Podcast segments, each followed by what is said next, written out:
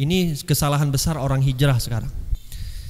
Sebelum hijrah, mereka nganggap ya Allah uh, orang-orang yang mungkin yang lebih yang sudah hijrah. Yeah. Mereka menganggap orang-orang yang sudah hijrah itu adalah orang-orang yang mulia. Yeah. Orang-orang yang belum hijrah itu mungkin mereka sanggah, anggap sama kayak diri mereka masih hina. Tapi ketika sudah hijrah, oh, semuanya yang selain dari dia itu semuanya salah. Salah, Bib, ya. Nah, ini saya harapkan lebih bagus dia nggak usah hijrah lah. lebih bagus dia nggak usah hijrah.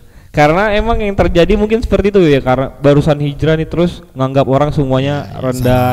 Itu memang kadang-kadang ya. ada tabiat manusia, tabiat manusia. itu balik ke pribadi berarti Bib ya. Balik ke pribadi, tapi itu salah. Artinya melihat manusia dengan pandangan haram, eh, dengan pandangan menghina itu haram.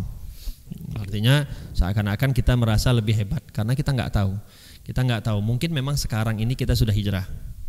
Teman-teman kita belum.